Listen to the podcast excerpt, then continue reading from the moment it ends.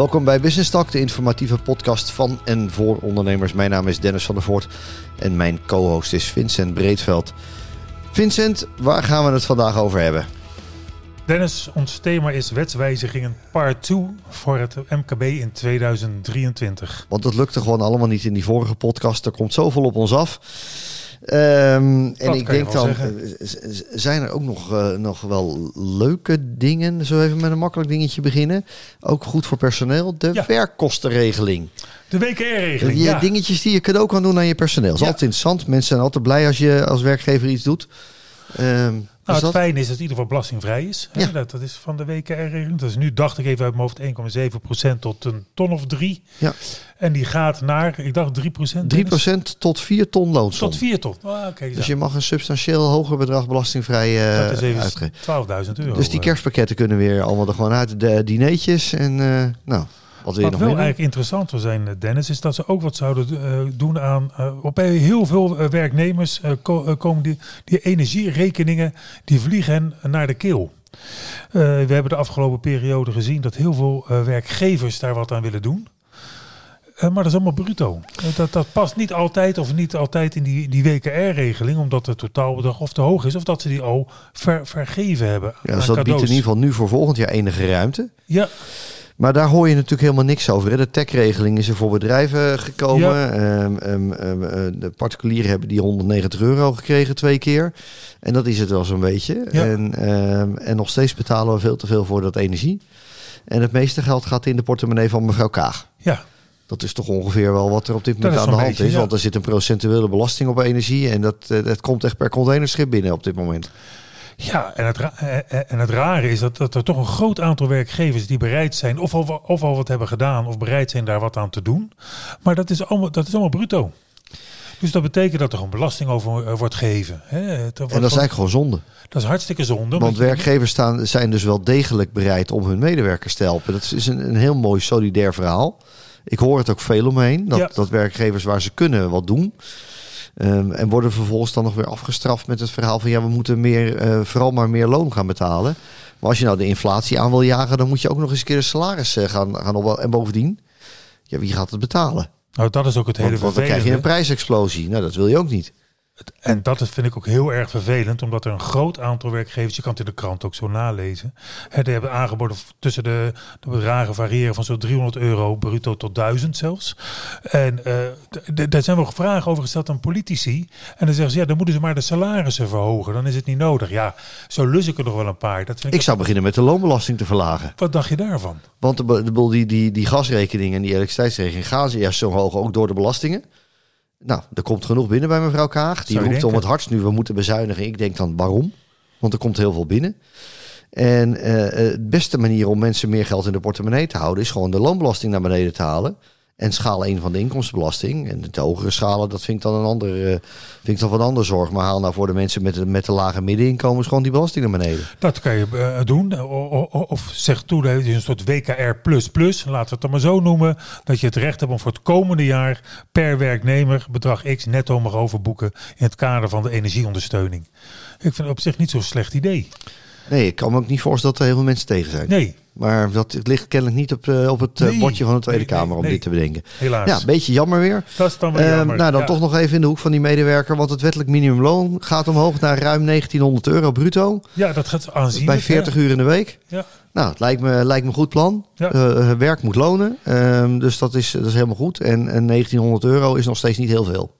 Nee, dat is zo. Is, het is eigenlijk een verhoging van 10,15 procent. Enige, uh, enige effect wat er ook wel mee is, omdat veel aan het minimumloon gekoppeld is. En ook de wat hogere loonschalen, dat je alles dan opeens... Ja, ja je krijgt, je, je en de uitkeringen gaan die dan ook ja, omhoog? Ja, ja, dan loont werk nog dus steeds niet. Krijg, ja, dus dat is wel even heel erg vervelend allemaal. Dat we dat eigenlijk niet zo goed geregeld hebben. En hmm. het is eigenlijk, wat eigenlijk stom is van ons, hè, van ons uh, als Nederland, is waarom in één keer die grote stap? Hadden we dat niet in het eigenlijk, uh, wat jij al zegt, uh, Dennis, het, het, is eigenlijk, het is eigenlijk nog niet eens zo heel hoog.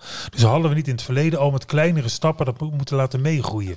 En dat hebben we verzaakt. En dat ja, er is natuurlijk heel veel gesproken over het uurloon. Hè, want uiteindelijk als je het omslaat in 1900 euro, kom je op een, wat is het, een 14 euro uh, per uur denk ik uit. Ik heb het niet, niet nagerekend.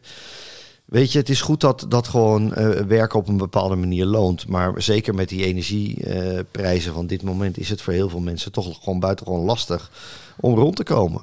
En, nou ja, en, dat, en dat is wel een terechte zorg. En, en daarom denk ik van leuk dat je het loon omhoog doet.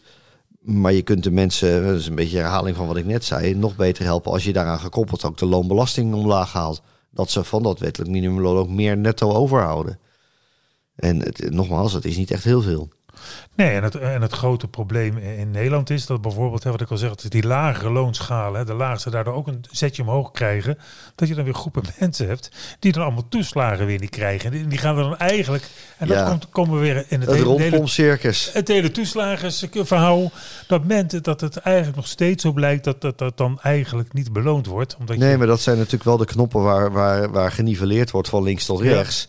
Ja. Um, als je dat in één keer zou afschaffen, wat op zichzelf echt een heel goed idee is en een veel lagere uh, uh, belasting op, op, op werk zeker, in schaal 1 zeker, en een hogere belastingvrije voet, dan haal je juist aan de onderkant, geef je mensen veel meer financiële lucht. Um, en dat kan kostenneutraal. Maar ja, dan hebben we weinig knoppen meer om aan te draaien. En dat vinden politici in de Tweede Kamer vinden dat juist buitengewoon prettig om, om aan die knoppen te zitten. En dat is natuurlijk heel. Ja. Uh, en, en het gekke is, vooral de politici die roepen dat ze opkomen voor de, voor de, de lage loners. Die vinden het heel fijn om aan die knoppen te draaien. Alsof ze een soort staatsafhankelijkheid willen creëren. Nou, dat hebben we in het oude Oostblok gezien.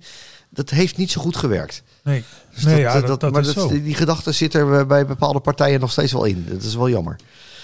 Um, ja, dat over loon. Um, er komt nou weer een maatregel aan waarvan ik denk van zijn we nou echt met z'n allen gek geworden. Ehm, je moet de CO2-uitstoot van je personeel gaan bijhouden.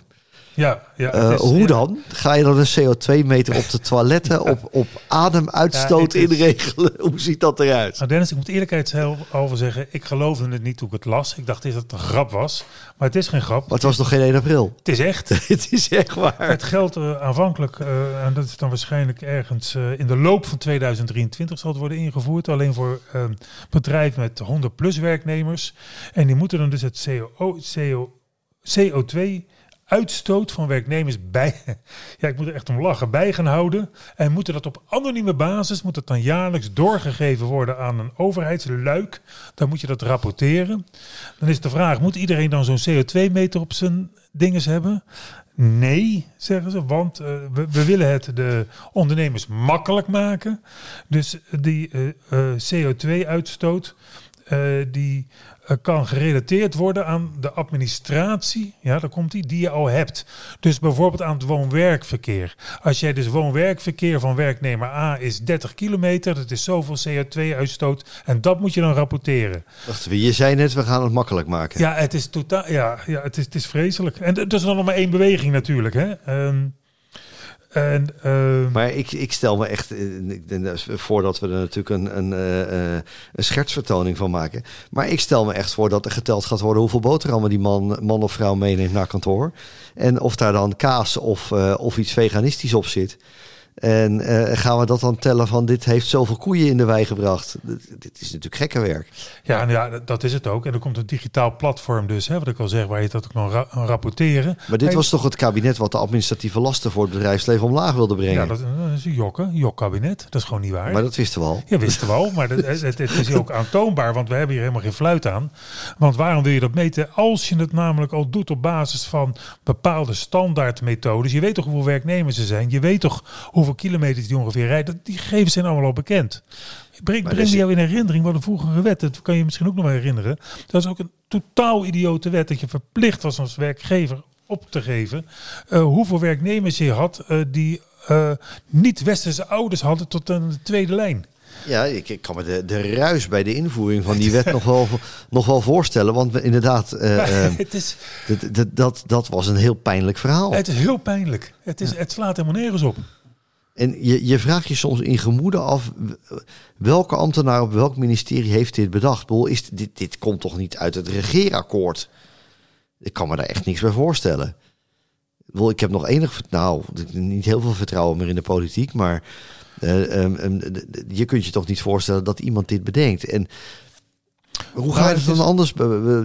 Jij begon ermee voordat je vertelde dat het uit bestaande administratie moet. Ik denk, ga je dan ga je de mensen wegen of zo? Want jij bent, je, je, weegt zoveel kilo, dus dit is je CO2-uitstoot. Ja. Dat wordt natuurlijk wel erg, erg discutabel. dit discriminatoire. Wat hierin ziet, wat er ligt, voorziet nog niet in een maximum CO2-emissie per persoon. Dan denk je, nee, natuurlijk niet. Nee, natuurlijk wel, want dat gaat komen. Maar we hebben net gezien dat er in Europa natuurlijk gesproken werd over dat CO2. Uh, uh, um, wat was het? Een persoonlijk CO2-budget? Nou ja, daar lijkt het ook op. Want vanaf 2025, dat is nou de bedoeling, als er dan geen dalende lijn is bij je, ja, ik moet er weer om lachen, bij je werknemers, dan, kun je, dan komt er een boetestelsel. Dus het is ook het beprijzen eigenlijk van het CO2 gebruik. Nou ja, dit, is nu net, dit is nu net uh, natuurlijk door het Europese parlement heen en dat is een ontwikkeling. Uh, je, je, hoort er weinig over, maar daar had echt heel veel ruis over moeten ontstaan. Want met respect natuurlijk voor, de, voor, voor uh, het klimaat, waar we denk ik, nou, laten we even aannemen dat we daar gewoon kritisch naar moeten kijken of we dat met z'n allen goed doen. Maar hier beginnen we natuurlijk wel langzaam maar zeker door te slaan. Als er in 2025 voor onvoldoende daar aan de lijn is, dan volgt er mogelijk vanuit twee, vanaf 2026 een emissiegrenswaarde voor individuele werkgevers op straffen van een boete. Nou, dan, ja, is... dan ontslaakt die medewerkers maar. Ja. Die te ver weg wonen. Ja. ja, dit is natuurlijk toch een raar verhaal. Dat is het. Dat is het. En het is één grote administratieve rompslomp, denk ik. En, ik denk dat helemaal niks wordt. En ik denk als dit uit Europa komt, wat, wat vindt meneer Orbán daarvan in Hongarije, die zich aan geen enkele ja, wet die houdt? Helemaal, die, die, doen dat hier toch helemaal niet aan. Daar hebben we geen CO2. precies. Daar hebben we ook geen vluchtelingen. Nee, zo, dat is, nee het is een beetje, echt een beetje waanzinwetgeving. Dat vind ik het echt. En ik vind het ook meer ondernemertje pesten. Ik bedoel, zoek het lekker zelf uit met je overheid. Maar uiteindelijk is ook de impact voor de werknemer groot. Want dat doet jou ook wat als werknemer. natuurlijk wel, als jij erop aangesproken wordt. Je zegt van, hé hey, hallo. Ja, je woont te ver weg. Wil jij eens even een beetje rustiger aan doen met je CO2-uitstoot? Ja, of uh, heb je al een elektrische auto gekocht, ja. terwijl die, die, die medewerker dat helemaal niet kan betalen. Ja. Zorgelijk verhaal weer. Nou, in dezelfde zorgelijke hoek zit weer het, het C-label voor bedrijven wat 1 januari in moet gaan. Dat klinkt allemaal mooi. Um, er is nog niks ingeregeld over handhaving daarop. En we weten nu al, het is bijna 1 januari, dat natuurlijk een heel groot deel van de bedrijven helemaal niet aan dat C-label ja, voldoet. Het gaat wel om kantoren, hè? Dat eh, even een kleine. Uh, Eens, maar, nu, maar nog, nog, voor, nu nog voor kantoren. Maar het klopt, dat is waar. Er zijn een groot aantal kantoren. Het, ik, het percentage weet ik even niet. Het heeft in de krant gestaan overigens. Uh, dat er niet aan voldoet. Of althans niet eens een label heeft. Laat staan dat je weet of het hier aan voldoet, voldoen. Ja, en, en wat de sancties eigenlijk, en dat is ook al groots aangekondigd. Vanaf 1 januari moet je dan dicht. Hè? Dat zei de centrale overheid. Uh, dan mag je het gebouw eigenlijk niet meer gebruiken. Nee, maar nou heb ik nou eh, de twee kanten. Nou huur ik een pand. Ja. Dus ja, ik kan er weinig aan doen. Een huurbaas doet er niks aan. En ik ben verhuurder. Ja, joh, kan het niet betalen. Nou, en dat, is, en dat is juist het hele interessante. Eh, de grote vraag is, waar komt die rekening te liggen? de, heel veel mensen ook mensen die uh, denken te weten, die zeggen ja, dat de, uiteraard de eigenaar. Ja, dat is, dat is naar mijn stellige overtuiging niet zo. De eigenaar die gebruikt het niet altijd. Uh, nee, maar die gaat het doorbelasten aan zijn, aan zijn huurders. Of hij belast het door, of hij zegt tegen zijn huurder van luister eens, uh, we hebben afgesproken, jij, ik doe niks en jij doet alles, dus doe dit ook maar. Ja, succes. Succes ermee. Hier gaan rechtszaken uitkomen. Dat, ongetwijfeld. Daar dus, kan je, dat is, en het wordt dus publiekrechtelijk gehandhaafd, zoals we dat noemen. Dus de, de gemeente komt langs met, uh, met, met, met, met zo'n ambtenaar. Maar die hebben de mensen daar helemaal niet voor. En die moet dan zeggen, waar is je label? En als je het niet hebt, dan of sluiten, of je krijgt een sanctie of een boete. Of nou, die moet er eens uit gaan zoeken aan wie gaat die dat opleggen. Het is... Ja, het is, op zich is het natuurlijk, de maatregel aan zich is denk ik uh, niet zo... Uh, wat, niet proef, zo... wat proef jij in de markt bij, bij, bij ondernemers? Uh, want ik hoor hier echt niemand over in het netwerk. Ik, ik ken er een aantal die, die, die in het, onder het goed zitten, die zijn er wel druk mee bezig. En vooral omdat die, en ik sprak er laatst nog één, dat zijn allemaal verhuurders dan, hè? Ja. En die zeggen, huurders die nieuw bij mij komen, vooral de grotere, die eisen een A-label Omdat ze het ook vanuit een system, sustainability en Oké, maar dan moet die, moet die, die, die vastgoedeigenaar er wel een A-label kunnen aanbieden. Ja, en dat gaat dan in het kader van de onderhandelingen. Die zegt, oké, ik wil dat dan wel uh, laten zeggen voor jou uh, fixen. Hè, maar dat zit ook weer, de, de, de, huurprijs zit er ook aan gerelateerd. Ja, en kun je een oud pand nog wel omkatten naar een A-label? Nee, dat gaat natuurlijk Dat is natuurlijk hetzelfde met woonhuizen. Als je een oud woonhuis hebt, dat krijg je natuurlijk ja. nooit naar een A-label nee, toe. En monumenten zijn geloof ik uitgesloten. Maar hè, dat even, dat zou je altijd zien. Maar, maar in bedrijfspanden, monumenten. Dat is natuurlijk heel lastig. Ja, nee, dat is hartstikke lastig. Nou, deze wordt waarschijnlijk wel weer vervolgd. En ja, dat denk ik ook. Een hele podcast aan wijden. Ja, daar zullen wel, zal wel jurisprudentie weer over gaan ontstaan. Ja. dat verwacht ik trouwens ook met dat verhaal van die CO2-uitstoot. Ja. Het is prima bedacht. Je kan je er zelfs nog iets bij voorstellen. Maar ja. Ik kan je net zeggen, ook bedrijven boven de 100 man. En dan denk ik, nou, dan ga ik maar zorgen dat ik op 99 man blijf zitten. Weet je? Dat, ja, mensen gaan eraan ontlopen. Ja, natuurlijk. Het wordt er allemaal niet vrij nee, op. Misschien nog een laatste even over de bedrijfsarts. Is dat misschien interessant? Laatste dingetje, even dat laatste, kan nog. Laatste korte dingetje. Uh, er is een, nu een wetsvoorstel, dat ligt uh, bij de Tweede Kamer. Beoogde inwerkingtreding is 1 juli 2023. En die stelt dat eigenlijk het oordeel van de bedrijfsarts leidend wordt bij de toets uh, of je aan je reïntegratie-inspanning hebt voldaan. Dus groot blok aan de been van de werkgever. Je reïntegratie-inspanningen wordt het UWV getoetst. Veel werkgevers krijgen straf. En, en, roepen dan, ja, maar ik heb gedaan wat de bedrijfsarts zegt. Nou zegt UWV niks mee te maken, want ik maak wel uit hoe het moet. Uh, nu gaat het worden dat de bedrijfsarts leidend gaat worden. Dus, je mag... dus als je als werkgever zegt, ik heb gedaan wat de bedrijfsarts zegt, heb je het goed gedaan. Eigenlijk, juist. Nou ja, en, dat en zo hoort het ook natuurlijk. Sluit ook aan bij een podcast van een aantal weken geleden die wij ja. hadden met, uh, met Ed Slobbe. Met Ed Slobbe uh, over Arbo-beleid. En het, de, de, hij pleitte toen ook nadrukkelijk voor kleinere arbodiensten die dichter bij die werkgever staan, die ook dichter op die werknemer zitten. Dit klinkt als uh, dat, dat Ed hier een terechtpunt had. 100 procent.